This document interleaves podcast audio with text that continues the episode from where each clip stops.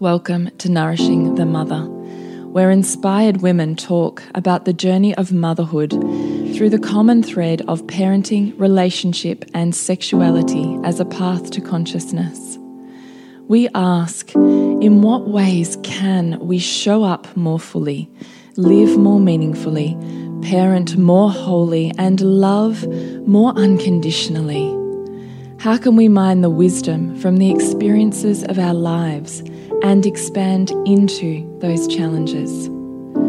If you are here, you care about paving a path of conscious and intentional motherhood, connected with yourself and your gifts, and also illuminating your children in theirs, so we may raise more whole humans who can impact this world in a more humane way. And if you feel like giving a little back to this free content, please become a patron of the show and receive extra member benefits for less than a coffee a month. Or you can leave a review on iTunes and Facebook, all of which helps the podcast keep going and reach more mamas who need this type of tonic for the soul. Head on over to patreon.com forward slash NTM podcast to find out more. We are Julie Tenner and Bridget Wood, and we are so grateful you're here.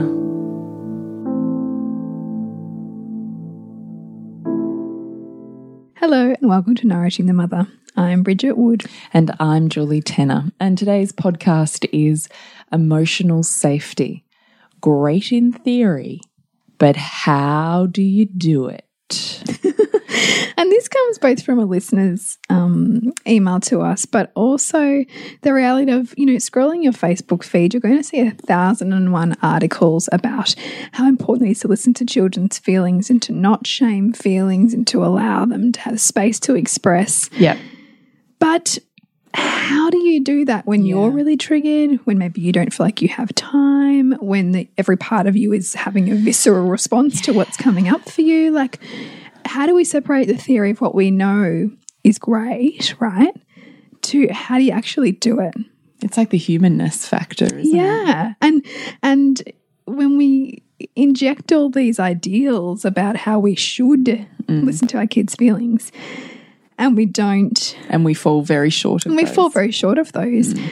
we can end up in a shame spiral, which limits our ability to show up even more. Mm. Right? Mm. So, this is a podcast that's going to give us some practical insight into what it looks like. over different ages. Yeah, different ages, different stages, you know, and different moments in your day too, right? Because we're not robots. Yeah. We can't have an endless capacity of spaciousness for our children. And just like we only have, you know, so much for ourselves at, at times too. Mm. And so it's allowing that too, and what mm. that looks like. So before we get there, we'd love to do a shout out to our new Patreons. Yeah, Patrons. patrons on Through Patreon. Patreon. We're really super grateful to these beautiful women who jump on board in exchange for a little bit more intimacy, you know, through different uh, access points with us and more distilled down toolkits. But really, what they're saying is we support your art form and the service that it is in this world mm. and to my life. And we're ever so grateful for the fact Absolutely. that, that we have a group of women who want to do that with us. Mm. So we'd love to say a big thank you to Sophie, Felicity, and Georgina. Thank you, ladies. Mm. We'd also love to remind you to jump onto nourishingthemother.com.au and sign up on the homepage. Scroll on down to the red bar to fill in your email address, and once a fortnight, we'll shoot you off an email with everything we've put out in the world so you can pick and choose where you'd love to click a little deeper. Mm. And occasionally, we'll send you a, a more intimate love letter that we're not willing to put out on socials. if, if we're being truly honest, yeah. nourishingthemother.com.au. We would love to have you on mm. board. So this beautiful email came from a regular listener of ours. So thank you for sending this one mm. through. And so she says, Hi, ladies. I was hoping you could do a podcast on how to create emotional safety and hold space for big feelings in our children. I think it would be helpful to listeners if you gave some real life examples of how you navigate these situations with kids of different ages. For example, if a toddler is having a tantrum in the supermarket over not getting the food they want, or a child is refusing to go to school, due to fear of being left out at playtime, or a teenager comes home in tears over a relationship breakup. I would love to hear a breakdown of how you facilitate these conversations because understanding what emotional safety is and how to create it and hold the space are two very different things. I've come from a family where big feelings were always heard, but indirectly and unintentionally shut down by way of offering solutions, rather than letting the feelings be what they are and having, as you say, reverence for them. The fallout from this was that was serious rage and rebellion when I became a teenager. As prior to that, I was the model child, academic, well behaved, kind, etc. Obviously, I could no longer maintain the nice girl as it came out to rear its ugly head when I turned 15 through boyfriend, sex, alcohol, drugs, violence, wagging school. And then at 18, I was diagnosed with cancer. Needless to say, my teenage years were hard. I often think of how this could have been so different if there was more emotional safety created within the home. I'm so mindful of wanting to create a different path for my daughter who is one and a half years old, so any light you can shed would be so appreciated. I just have all the feels when I. I know. Mm. I just want to embrace that woman because that is a huge journey. And yeah. I absolutely adore all of the links that she's already making. Yeah. Like turning her wounds into wisdom, yeah. right? Like that I have such reverence for You that. know, and like what a void, right? Like what a void of pain and driving values. Driving her value now to mm. really repattern Mm. You know, because the reality is, if we don't consciously look at how we were parented and don't consciously look at our auto behaviors mm. as a parent, we just repattern, mm. right? Because it's so deep in ourselves to carry out, you know, how we were parented. Mm. And it takes something like this so often to put you on a path of more conscious choices in how you choose to relate mm. and raise your children. So thank you for reaching out. Yeah. With that.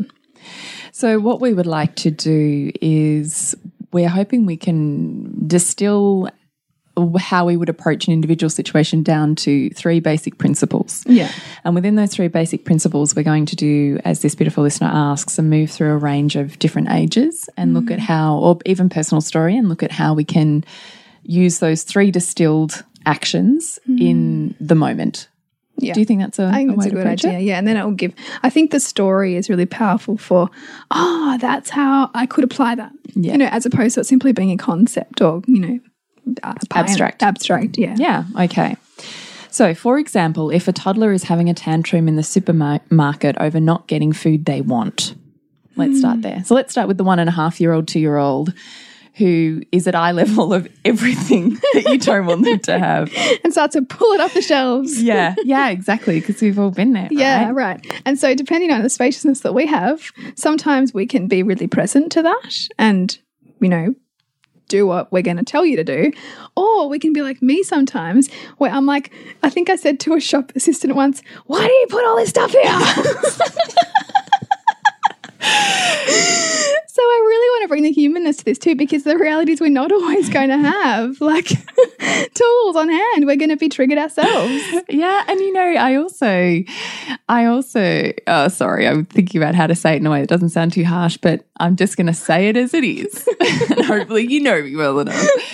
Sometimes I also think as conscious parents, we can get too caught up in needing to be overly respectful all of the time, yeah, yeah. and doing things on their timeline and yes. their schedule, and not moving them faster than they're ready for, or, you know, blah, blah, blah. And sometimes I'm like, fuck that shit. We got to get somewhere and there's other people involved here. Yeah. So you're coming with me. It's almost like you've got to take that democratic approach where you've got to consider everyone's needs, not just the needs yeah, exactly. And particularly in certainly families with more than one child, that definitely is, yeah. is part of that dynamic. Yeah. It's very different consciously parenting a single child where you have utter focus. Yes. To multiple children where that focus is shifted. Yeah. Not to say that there's less intentional focus, but there are more more needs, yeah. more people involved more people in that to dynamic. balance, more people to consider. Mm. Which yeah. means that child inadvertently also learns very early on how to wait and balance their needs with others. Mm And I think that is a massive gift. And they also learn to find their voice pretty quickly because sometimes if they don't speak up, they Yeah. won't get their needs met. Yep. So so there's also value in sometimes in them not always being heard because I'll find a way to be heard. Yeah. My one and a half year old will stand up on her chair, slam her hands on the bench like we're all talking because I have, you know, I have early dinners, my husband's not home. So we all sit around, kids and I, and we chat about our days and we have this list of questions that we run Yeah. through. It's quite busy, you know, noisy, busy. And she'll stand up in her high chair thing and slam her hands on the table and she'll just scream until we all stop and look at her. Yes, Gwen. And then she sits down and she'll have some sort of babble because she hasn't worked out how to insert herself in the conversation. Yeah, so but they learn pretty quick. Exactly, right? How to do the thing they need to do mm. to get their needs met. Yeah. They learn it. That's all behavior is. Mm. A person seeking to get their needs met. Mm-hmm. So our job is not to look at the behavior and label it. Our job is to look at what the need is that's trying to get yeah, met. what, what's underneath that. Mm. And, and I think that's that's where we're going here. It's like not behavior X means treat it with this. It's about oh, what's that indicating? How can I get curious about the behavior because the behavior is a symptom of something else. Hmm. You know, a, the need, a, a want, a value that they're trying to meet. You know, or overwhelm. You know, because very often in a supermarket, for instance, you've got this stimuli that it's just too much sometimes for little kids to handle. So the very healthy thing for them to do is to completely lose their shit, mm. you know, to bring them back into a place of balance. Mm. And so, yes, let's lead into what we will do in that situation. Yeah, sure. So I think we'll start with what our steps are, and then we'll talk about other other scenarios we Yeah. Mm-hmm. ourselves have found ourselves in. What do you think? Yeah, sure. So we labeled step one of entering, creating emotional safety and holding the space for emotional safety. Step one for us in general, all of the time, is self regulation. Yeah. So, this philosophy and theory is one that comes from the fact that our nervous systems as human beings are completely interlinked. Yeah. And I was actually having this kind of this epiphany this like today as I was hanging out the washing, it kind of hit me. And I thought, you know, it's just like Avatar. You know how they're all like connected to Mother Tree and they can all kind of, you know, insert their nervous systems and be connected Yeah. literally to to everything that is life. Yes. Right. I mean essentially, or the matrix, whatever you want to say. Yeah. I was thinking that's exactly what it is because we mm. can't see it. Science hasn't yet said this is a connection point. We mm. haven't found that yet, but our nervous systems are constantly communicating. Mm. And we, as intimate partners or parents of you know children have the ability to set a state of being within our own nervous system that is picked up on and plugged in by mm. the person that we're intimate with. Yes. And so in the case of a child, like because they cannot yet largely regulate, like, you know, a baby, we, we know this, right? A baby cries and they're soothed by the, the, ability of the parent to help them regulate. So they're borrowing our regulation. And as they grow in independence, they start to develop their own sense of regulation. But as children, all of us as children, we our ability to regulate was was largely based on how well our parents could regulate because mm. we borrowed their nervous system. So our nervous system is patterned by our parents' nervous system. Mm. Which is why it's so profound for us to number one keep coming back to our own regulation. Mm. Because just by regulating and knowing how to and expanding our own window of capacity to feel and balance out that feeling in our bodies, that is what's teaching our children. It's not the words we say. It's mm. you know it, it's it's how we can be in our bodies because mm. they're feeling our bodies before they're hearing our words. Mm, Yeah, 100%. So, what do we mean by self regulation? What I think of in my head is that I create a bubble. If I was underwater and I had the capacity to create an air bubble around me that kept me in regulation within a huge body of water. That's what I mm. think of. So I create my own space bubble, if you like. So my job in helping my child and myself, my job is how do I bring my nervous system, my heart rate down, make it safe in my brain and in my body to be here. Mm. I think this is mindfulness. Yes. And this is embodiment. And it doesn't matter how you get there, what your pathway is. Yeah. The point is to, instead of being fight, flight, or freeze mm. mode, that you make it safe enough to bring all of that energy back down into I'm safe and secure here, and my mm. body, my primal brain knows it. Mm. So, this is getting anything that's somatic, any type of somatic sensing. So, body awareness, doing a, a flush through your head from top to bottom. How am I feeling in my head? How am I feeling in my heart? How am I feeling in my chest? How am I feeling? Going mm. down like a checklist through your body. This is getting mindful with your breath and following your breath, mm. sending your breath down through the soles of your feet and into the earth, and taking another breath. And with every breath, releasing anxiety and tension like a body practice. Each breath, you release an area of the body that's feeling tense for you, and you're releasing it through your feet. This is you know literally following your breath with no other you know no other sensory anything other than i'm just going to focus on my mm. breath right now in my brain, I say to myself, it is safe for you to be here. All you have to do is make it safe in your brain. Your brain needs to know it is safe for you to be here. And I focus on slowing my heart rate and slowing my body and slowing my breath. And if you've done any type of calm birth, uh, hypnobirthing work, then there four in, six out breath Yeah. is fabulous here. So Yeah. counting four in, slow it down, six out, and see if you can get to 10 on your out mm. breath. Anything that slows it down. Now, you have other ways of regulating. Yeah. Yeah. So I think, it, again, it's similarly coming into the body, right? So, because when we're dysregulated, we're, we're in a head, right? We're on a train of a, we're out, we're on a story, we're running a story. I was about to say, we've already done beliefs, just, haven't we? It's just freaking running away. Yeah, it means this. This is going to happen. It's repatterning. You've felt this before in Yeah. your life. This is you as a, as a child. So you go straight back to that Yeah. trauma response. And very often, I think, in you know, the example of a supermarket, very often will be, what is everybody else thinking of? You know, what are they all thinking about my child? What are they thinking about me? Or you know, how are they judging me? You know, and how I should, what I should do right now. Like Mm. all of that noise starts to come on because that's you know the auto societal response to a child losing their shit. Mm-hmm. Right? Is like make that child stop. You know, behave. or even how am I going to cope? How am I going to get them out of here without them pulling the Yeah, shelf down? and that how am I going to manage I'm them in and the late. Oh shopping? my God. How am I going to get them in the car? What's going to happen when we need to go here? Like we're Yeah. already in the future. Yeah.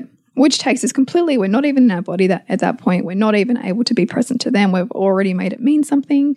And so for me, it's first of all awareness of that mm. and bringing myself back down into my body. So like I'm even doing it now. Like for me, it's balancing right and left hemispheres of the brain because even that is helping you get more present and clarity and you're basically doing a pattern interrupt on whatever's there mm. because you're regulating the, the you know the brain essentially regulating your response and i can do that just by like moving you know like right right foot left foot like alternating movement. Mm. If i'm down at my child's level it might be gentle swaying from left to right just to keep my body moving just to keep myself safe in my body.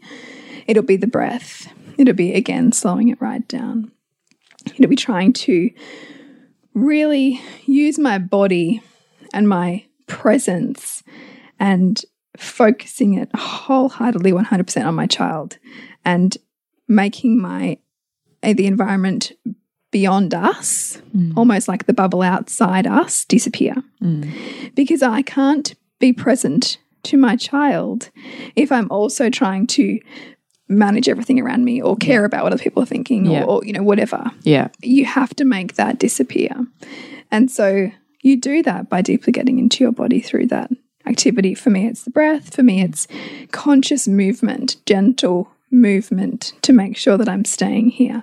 Sometimes, if I'm really struggling, it might be like, you know, rubbing a hand down my leg or just mm. feeling my own touch mm. just to Yeah. If I'm really struggling, I shake. shake. Yeah, that's mm. just, that's just like that for me. Or like um like grabbing my arms and my shoulders and just really having that intense pressure as well. It just brings you back down. I also spend time noticing my child. Hmm. So, Like like looking at their features. Yeah. So when I'm really trying to tune into them empathetically, when I've worked out my own regulation and then I'm looking at what's the suit between us, yeah. to bring my connection a little bit hmm. further out than myself, I'll start to empathetically feel like, look at them so closely that I can see, you know, the tiny hairs from the pores on their cheeks. Yeah. And I notice their eyelashes and I notice the flecks of color in their mm. irises. Mm. And I notice the flush of color on their skin. And I notice how they're breathing and where they're breathing. And I almost kind of mm. train myself to focus so intently on them, I can read what's happening for them. And I think that that also helps you see them, not your story on them that you've created based on the behavior that they're displaying that's triggering you. Like I think about, um, you know, very often I'm noticing more, um, you know, automatic triggering judgments or labels that come up for me now that my son is getting slightly older. Like, so, so, for instance, societal um, projections onto boys and crying or boys and whinging, you know, and, and kind of, kind of them pull themselves together and, you know, grow up or, what you know, that kind of stuff. Mm. I'm just interrupting our podcast on emotional safety. Great in theory, but how do you do it? To let you know, we have our next live round, five week think tank of Loathing to Loving L2L program with our four pillar modules that we continue to facilitate you through as we go deeper and deeper. So please check it out at nourishingthemother.com.au and scroll on down to L2L program. And so for me, when I'm in a trigger and I'm noticing that, I'm not present and I'm not regulated. Mm. So that is feedback to say, okay, there's more here. There's more here for you to regulate and make safe in yourself based on what behavior is coming back to mm. you so that you can be more there there for them and see all of them not through the lens that your history is trying to bring here. Mm. Totally. So, step one is regulation of self, however, you're going to do that. Yeah. Step two is name it to tame it. So, this is getting really clear below the behavior when we're thinking about what is the, the emotion that's being expressed. So, what is it that's needing to come out? And can you name it? Mm-hmm. Can you offer a word that puts meaning to how they're feeling in their body that Yeah. matches up? I believe that this was a, like a phrase that was coined by Dan Siegel, who wrote The Whole Brain Child, if people have read that. Um, and often it's about teaching your child to use this language, like that they name it to tame it.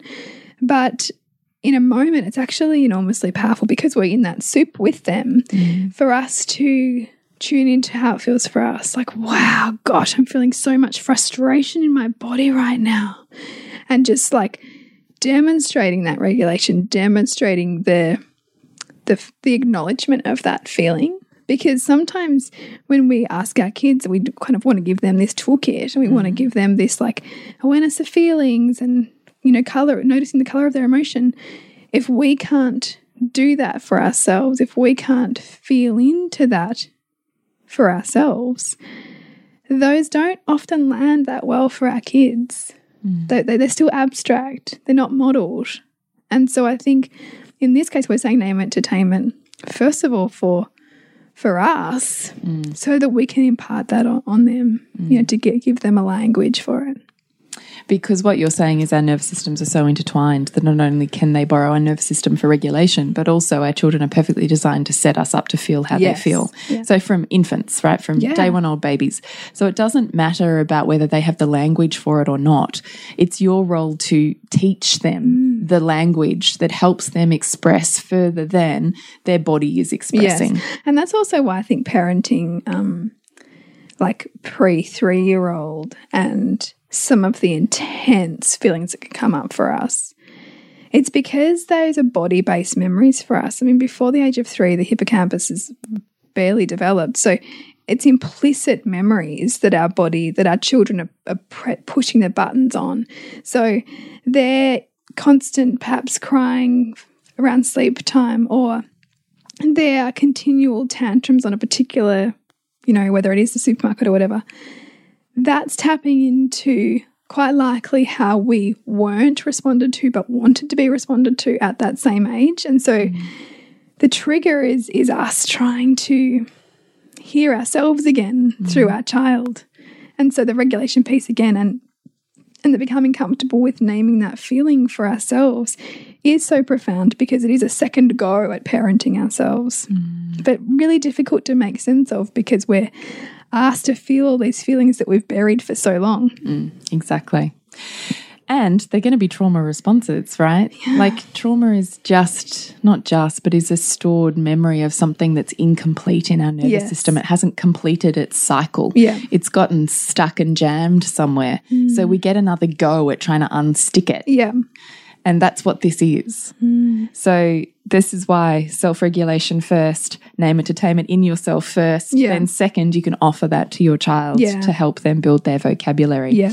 So, in the instance of the toddler in the supermarket, this is going to look like my focus is going to zoom from everything that's happening around me to sharp focus, like portrait lens, straight on them. I'm mm. down at their eye level, probably on the ground. I will be putting my hands on them in some way, particularly if they're grabbing things. I will mm. be offering enough resistance that that's not possible for them because that's a boundary for me and not okay. And then I'll be acknowledging, wow, you know, it's really hard to want things and you can't have them and you mm. really want those things. And you're so angry that you can't have them. Mm. And you're really sad. I feel that in my heart and my body, my tummy feels all churned up and I'm a bit angry. You know, you'd be talking it mm. through with them. Yeah. And likely it's going to escalate it because you're touching that sore point where they go, mm. yes. you know, Yeah. like or you're, you're giving voice to the feeling. it's not always going to look pretty mm. because if they're angry, anger has to come out. It's not always going to look like even tears that we're comfortable with. Yeah. It can look like Rage, anger. aggression, Yeah, anger. Yeah. So again, we're constantly coming back to self-regulation and then we'll bounce back to t- naming it to taming it. And we'll come Mm. back to self-regulation and we'll bounce back to name it to tame it. For as long as you feel the capacity to do that. Yeah. If at some point you think this is it, I'm out, I'm done, I can't do this anymore, Hmm. then you pack yourself and your kid up and you get out of there Yeah. And you can let them be however they're going to be and you can burst into tears once you've wrestled them and strapped them into the car mm. and you can get home and say it was the shittest day ever and I'm crap and I don't know what I'm doing anymore and let it all come out and then you can come back to connection healing and regulation you mm. won't have missed an opportunity it will come it will back come up again. again. Absolutely. And I think, you know, that there's, I think that there's wisdom, but given the dynamic between us and our children, they're also taking us to those edges purposefully too. Mm. You know, we're not like these kind of messiahs who have all of the answers who are always infinitely going to hold the space for them. It's just not possible. They will to help us grow just like we are helping them grow. Mm. Yes, our role is to be the hippocampus or be their regulator, but there's going to be times where we can't because we're human. Mm. And I think that it's making that okay too. I think I can still remember, like, I think what was it? I think I was just pregnant with this baby, and I had Hugo and Sylvie, and Hugo lost it like nothing else in a shop. And it pushed every button. oh, I vaguely remember that. Yeah, yeah, it was really bad. It was a bad one. And I think because he's also at an age now where I can't handle him, you mm. know, like I can't manhandle him yeah, you know, like with a toddler, you can still move them. Yeah. Right. And this was like, it was impossible. And so I was just like, I was a goner. You know, the point where like we were around the corner and I'd burst into tears and he was in tears. And like somebody came out of a shop and like gave us colouring in. So I could get Sylvie settled and her not run away. You know, like, so we all have these moments, right? We all have these times where we're like, our capacity is really tested. Mm-hmm. But that's also an edge for us of growth as well. An edge for us to lean into to find new ways of of showing up for ourselves, mm-hmm. you know, and showing up for our child. Because we, you know, our spaciousness is also going to be profoundly impacted by how we're emotionally feeling, how mm. tired we are, mm. in my case, pregnant. You know, like there's how much we've been listened to how and much we've been listened to, repressed. you know, mm. like how much our tears safe. Yeah, because if your kids set you up to feel what you feel, and you've you've been repressing that particular emotion, Yeah, it's going to be really hard when it comes out. totally. Because if you're going not okay, not okay, not okay, at some point your kids are going to do enough where you go, yeah, yeah, and also you know sometimes it gets you to be really humble. like it brings you back into humility and it brings you back into connection and and it can forge a path for learning, right? I Mm. always think, particularly you hit these new edges when your children have grown up again. Yeah. You can be like, oh, good, I got this. And then they grow. yeah And you go, shit, I don't have this anymore. exactly And you I know, need like, a new toolkit. and that's totally where it was it was like wow like i have like you know an almost six year old now and all the stuff that's worked for the last couple of years is just not working anymore we're at a new era. Yeah. you know and and that's And scary new self. and empowering Yeah. right yeah. And yourself haven't raised yourself through that age yeah yet. that's right So each time our children grow, it's another version of trauma for us, Yeah. right? It's not like, well, I dealt with the tears when they were two. It's Yeah. you at Meeting it six exactly. and eight and 12 and, you know, and you know how challenging we might have been or how much our parents couldn't handle us at that age potentially is what we're going to meet in our child. Yep. So our third step is to stay with it for as long as you can and to be checking in with yourself hmm. about what your capacity is because when we get to the point of losing it, we've pushed ourselves a bit too far and now it does I think edge in that area of it's now unsafe for our children Yes. emotionally and developmentally. yeah And we have a choice if we're willing to bring enough awareness to not get to that point. absolutely If we know our warning signs and we check in with ourselves well enough, we can kind of pull ourselves off mm. before we've jumped off the cliff. And that's also about, you know, tuning into where our kids, I mean, staying with it and then also knowing, like, you know, where our kids are at developmentally, what their capacity is. Are they sick? Are they, you know, how much is what I'm expecting reasonable? Because very often we can have unreasonable expectations, which, which are sure, surefire way to end everybody in tears, mm-hmm. right? Because if your capacity is low, you're trying to do 10,000 things and they're already a little bit out of sorts no one's going anywhere good fast in that mm-hmm. scenario. Mm-hmm. And so it's having that practicality of what you're asking of yourself and what you're asking of them. Mm. And often going a little bit easier on everybody in those moments. Mm. So maybe we just wrap up toddlerhood just a little bit. I guess my steps to toddlerhood, I keep it as basic and simple and to some extent language free as possible. Yes. It's a babies and toddlers are a felt sense. So mm. it's more about how I feel than it is about what I say. Yeah. So less words, more self regulation, and staying there, expanding your bandwidth to be there with that mm. for as long as is safe for you. And if it stops being safe, that you do the thing, you exit that situation and you do the thing to pull yourself back before you go too far. Yeah. So that for me is toddlerhood, creating emotional safety. Is that what it is for you? Yeah, absolutely. Yeah. And I think, yeah, noticing that, you know, toddlers don't hand, tend not to handle, um, I want to say too much. You know, the, like some do, some don't, but generally there's so much because they're still so little and their awareness is so open. The mm. stimuli coming in can be so overwhelming from a mm. neurological point of view. Mm. And so some of the ways that they will deal with that will be, you know, increased tantruming, you know, inability to follow direction, you know, because they're, they're almost overwhelmed. And so if you're finding that that's you and your toddler, then it's about how can I pull this back here? How can I, you know, reduce what I'm expecting of both of us so that we, you know, we can have more, you know, unstructured play, more choice in their day because toddlers are also looking for independence, right? Mm. Like, you know, they particularly like the, you know, Sylvie's at two and a half, everything's, Mom, I did it myself, Dad, I did it myself. You know, mm. she's wanting opportunity for independence. And that requires a lot of patience, mm. right? And she's going to get mighty pissed when I try to do everything for her or rush her through everything. And so she should because developmentally she's trying to do it for herself.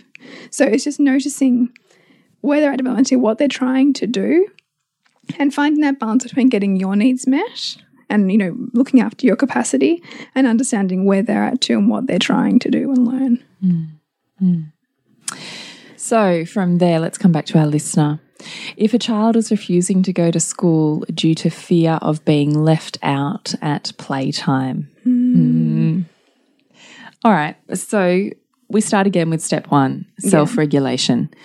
Because whatever they're bringing to us is reflective to us in some or many ways. Yeah. So it's our job to get ourselves online first because we're of absolutely no use to them if we are not calm in our body. Yeah.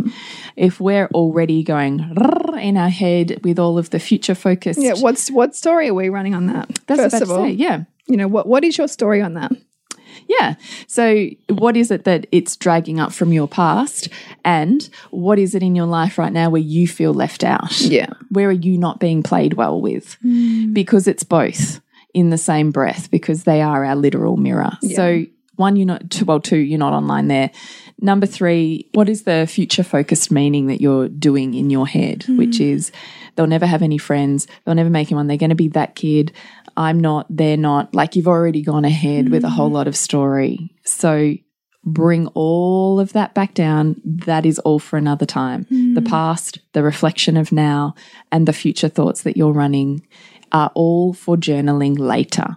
So, like in the supermarket, that's your supermarket. That's your noise that you're going to fade out Yeah. to bring your lens into portrait focus hmm. on your child and regulate yourself to be able to know that those tentacles of your nervous system, even though you can't see it, will plug into theirs. And you have an opportunity to help them feel differently within their body and make it safe for them to show up in that or express whatever is there. Yeah. Um, number two is name it to tame it. So I would be reflecting back to them. It's really hard. Yeah, I, I, you really, it's, it sounds really painful when you're left out. Hmm. Being left out really hurts.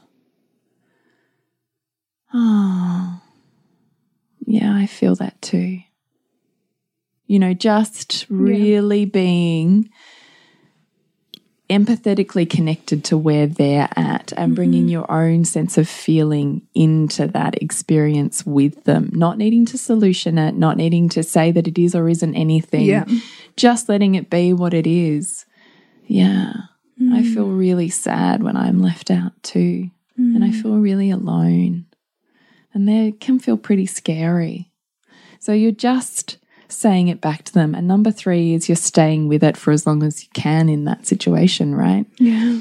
Because you're not trying to think ahead, going, gee, I've got to get them out the door. We've got to get to school. We've got to, you know, I do think school is one of those things that I would rather have my child emotionally regulated when they walk in the door mm. And be late than get there Rush on them. time and they're not emotionally Yeah. regulated because they can't learn when they're totally and and they anyway. go- it's going to fester and spiral and it's one of those things that looking at how we can support their regulation going into that environment rather than sending them in there dysregulated you know and for i mean it wasn't quite the feeling left out story for my son but for most of the first term we got to school 15 20 minutes early so that he could play connect shift energy really ground himself in that environment before he entered the rules of the classroom essentially.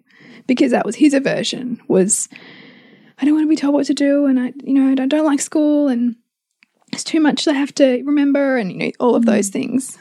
He needed grounding presence play movement friendships all of those things to feel safe to enter the un- discomfort hmm. and so once I figured that out, we were fine. We had to, but we had to figure out what it was that he needed for that. Hmm. And I think it just depends. You know, it's about staying with it again hmm. long enough to feel beyond our stories of it, to help them come up with. Very often, helping them come up with what the solution might be, or what might be some different ways to enter into this discomfort, or or find you know, new ways to be in an environment that we kind of have to be in. Mm. So, how are we going to make it work? Mm. My daughter does say this very thing that our listener is talking about here. It's a it's a really big conversation for us mm. every day. But the point I wanted to make here was just a, a couple of things to have in your parent brain when you're thinking about feeling tri triggered entering these situations, which is we all love our children dearly and we so want to believe that their version of reality is the absolute truth. Mm. I want to say eight times out of 10, it's not. Yeah. Yeah. and I know that hurts. And I know that you are the parent that says, well, I believe what my child tells me. Mm. Because every parent ever says that to a school. yeah. yeah. But, you know, my daughter can come home and have big feelings and emotions about the fact that she had no one to play with today and no and everybody mm. ran away from her and, you know, all of this stuff. And we move, we do these three steps, we stay in it. She comes back into, she usually likes to do some coloring or something afterwards. She comes back into regulation. Then we can be chatting away at our dinner table and she'll be like, oh, da da da da, when I played this with someone today. Yeah. And I'm like, yeah. thought you had no one to play with today. Yeah. yeah. So I think it's also little kids in school can take one feeling that feels so immense, Yes. it's overwhelming. And make the whole day that, that, Exactly. about that. Yeah. That's what I was going to say. So Mm. it doesn't mean it's their reality because the teacher can say, Look, I haven't noticed that. And we can be going, Well, you don't know my child. Yeah. Or we could be listening to that and going, Okay, so this is a feeling that my Mm. child is exploring right now. So let's explore that feeling together. Yeah. But that doesn't mean that it is as dire as we think it is. Yes. Or that our child can't cope with it. Mm. Or that it's okay to not show up because of it. Mm. So, whatever the situation is, I'm also entering it with my little children thinking, whatever this is, there's a wisdom greater than me at play here. Hmm. And this is their growth. They are underempowered in some form of knowledge that they don't yet have that they are trying to acquire. Yeah. So I'm not looking at the damage. I'm looking at how do I empower it. Hmm. Now that is step one is all of this stuff, right? Yeah. Creating emotional safety to Yeah. experience a feeling. To enter into it as Yeah. opposed to like ignore it or numb it or whatever. yeah, but step two is yeah, it hurts. Yeah, it's painful, mm. but we're still going to show up and go. Mm. We're not running away from it. We're not hiding from it. We're not trying to manipulate the children and the environment around them to make mm. it safe and perfect for them. Yeah. We're saying it's hard. Let's show up together. I will have your back, but you are going to do this. Yeah. And you can talk about tools and whatever afterwards, but emotional safety comes first with you mm. knowing, and they will feel we're not running from this. You're still showing up, Yeah. but I'll listen to it and mm. we'll come up with, you know, ways that you can handle yourself, not other people, mm. yourself through that, I think. All right, coming back to the email. Let me find my spot. Uh, or a teenager comes home in tears over a relationship breakup. I haven't got here yet, but I would like to think it would be like I would sit with any of my friends that go mm. through emotional breakups. And I remove my layers of judgment and shooting and all of the rest of it. And I just sit with what is. So I mm. regulate myself in order for them to feel that I am the blank canvas they can sit with and be in a container with mm. That they don't have to edit how they feel in order to be around me. And then I'll just reflect it back to them. That really hurts. Oh, honey, I can see your heart is breaking. Hmm. Broken hearts really hurt. And I would just stay with that. Hmm. Number three, for as long as I can stay with it with them. Hmm. And if I needed a break, I would walk away I would shake myself. I would do whatever I needed to do to come back to step one regulation. Mm. And then I would come back. You want to sit together? Oh, let's watch a movie that is either the exact feeling they're having or the opposite feeling. Mm. And I don't think that those steps change depending on where you're at. I think the point is to remove our own filters, labels, and future projections enough to let be what is. And be yeah, and it's, it's, that, it's kind of like that saying, you know, if you can't look on the bright side, I'll sit in the dark with you. Mm. Right? Like just be in it. Mm. How do we just be in it? Because the more we can just be in it with them, the more that they learn it's okay to be in it mm. themselves. You know? Because I always think actually we want to save our children from damage, but damage is inevitable. We're all damaged and broken. We want to save them from the brokenness we experienced, but they will experience brokenness. Yeah. They have to. And they will experience and perceive brokenness to the degree in which it's valuable for them as well, right? Because we're all perceiving things in alignment with our values and and on some level there's there's a higher co-creation happening in that. Yeah, totally. That's what I mean, right? There's no problem because everything is working towards a growth Yeah. of some sort, a new learning. And even take our two children who are the same age in school. My daughter is focused on the fact that she doesn't fit in with mm. friendships. Mm. That's her values at play. Yeah. And your son is focused on, I don't want to play by the rules. Mm. That's his values at play. Yeah. And both of those things are streaming both of those children towards Into- the yeah. trajectory they need to go on. Exactly. And I, it's like I'm well aware and I'm noticing myself like Hugo, I, I don't even know if he's ever going to get student of the week, right? Because because he because he doesn't play by the rules. And I I don't play by the rules. I don't like rules. Mm. And you know, on some level, you know, I can see my role in that. And so I have to like parent myself knowing, okay, he's not going to be the good kid. He's not going to be the one who's like, yes, sir, yes, sir, you know. But some of the best free thinkers are that, right? Yeah. So I think we've got to look at, you know, like the bigger picture and, and accept their experience. Totally. You know, the wisdom in their experience. Yeah.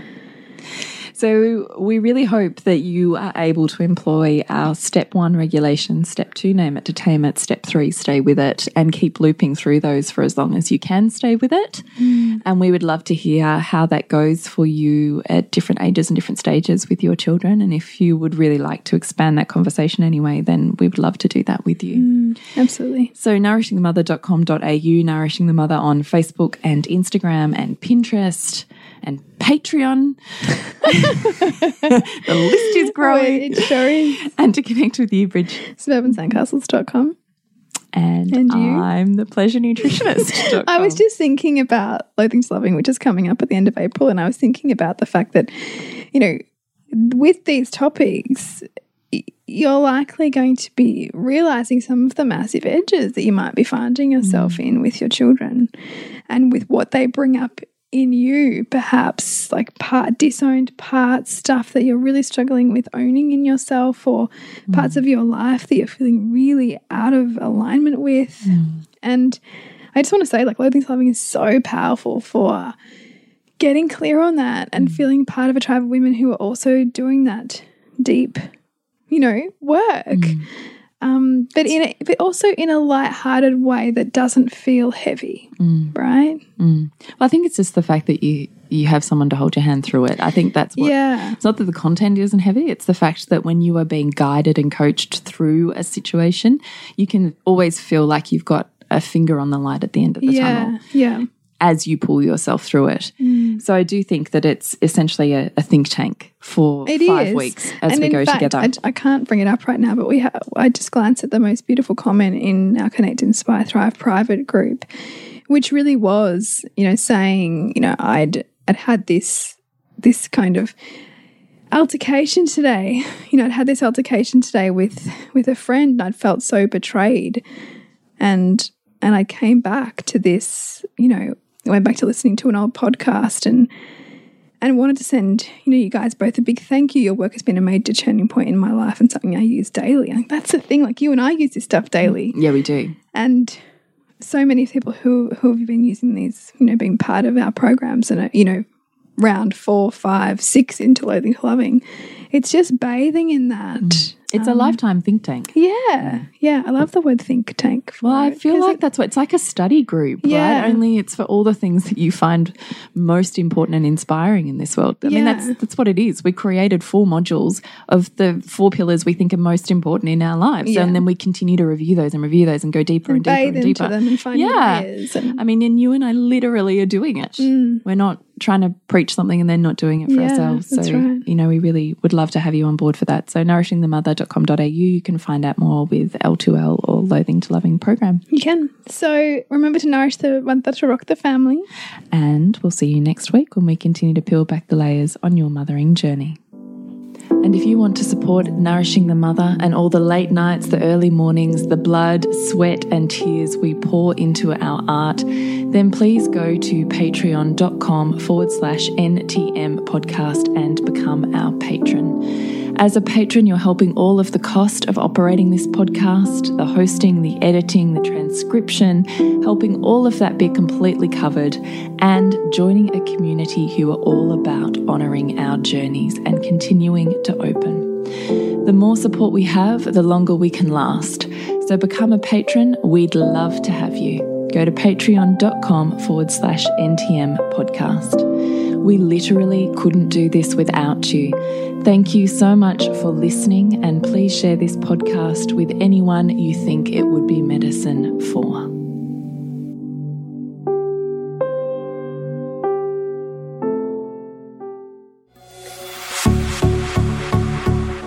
This has been a production of TheWellnessCouch.com. Check us out on Facebook and join in the conversation on Facebook.com forward slash The Wellness Couch.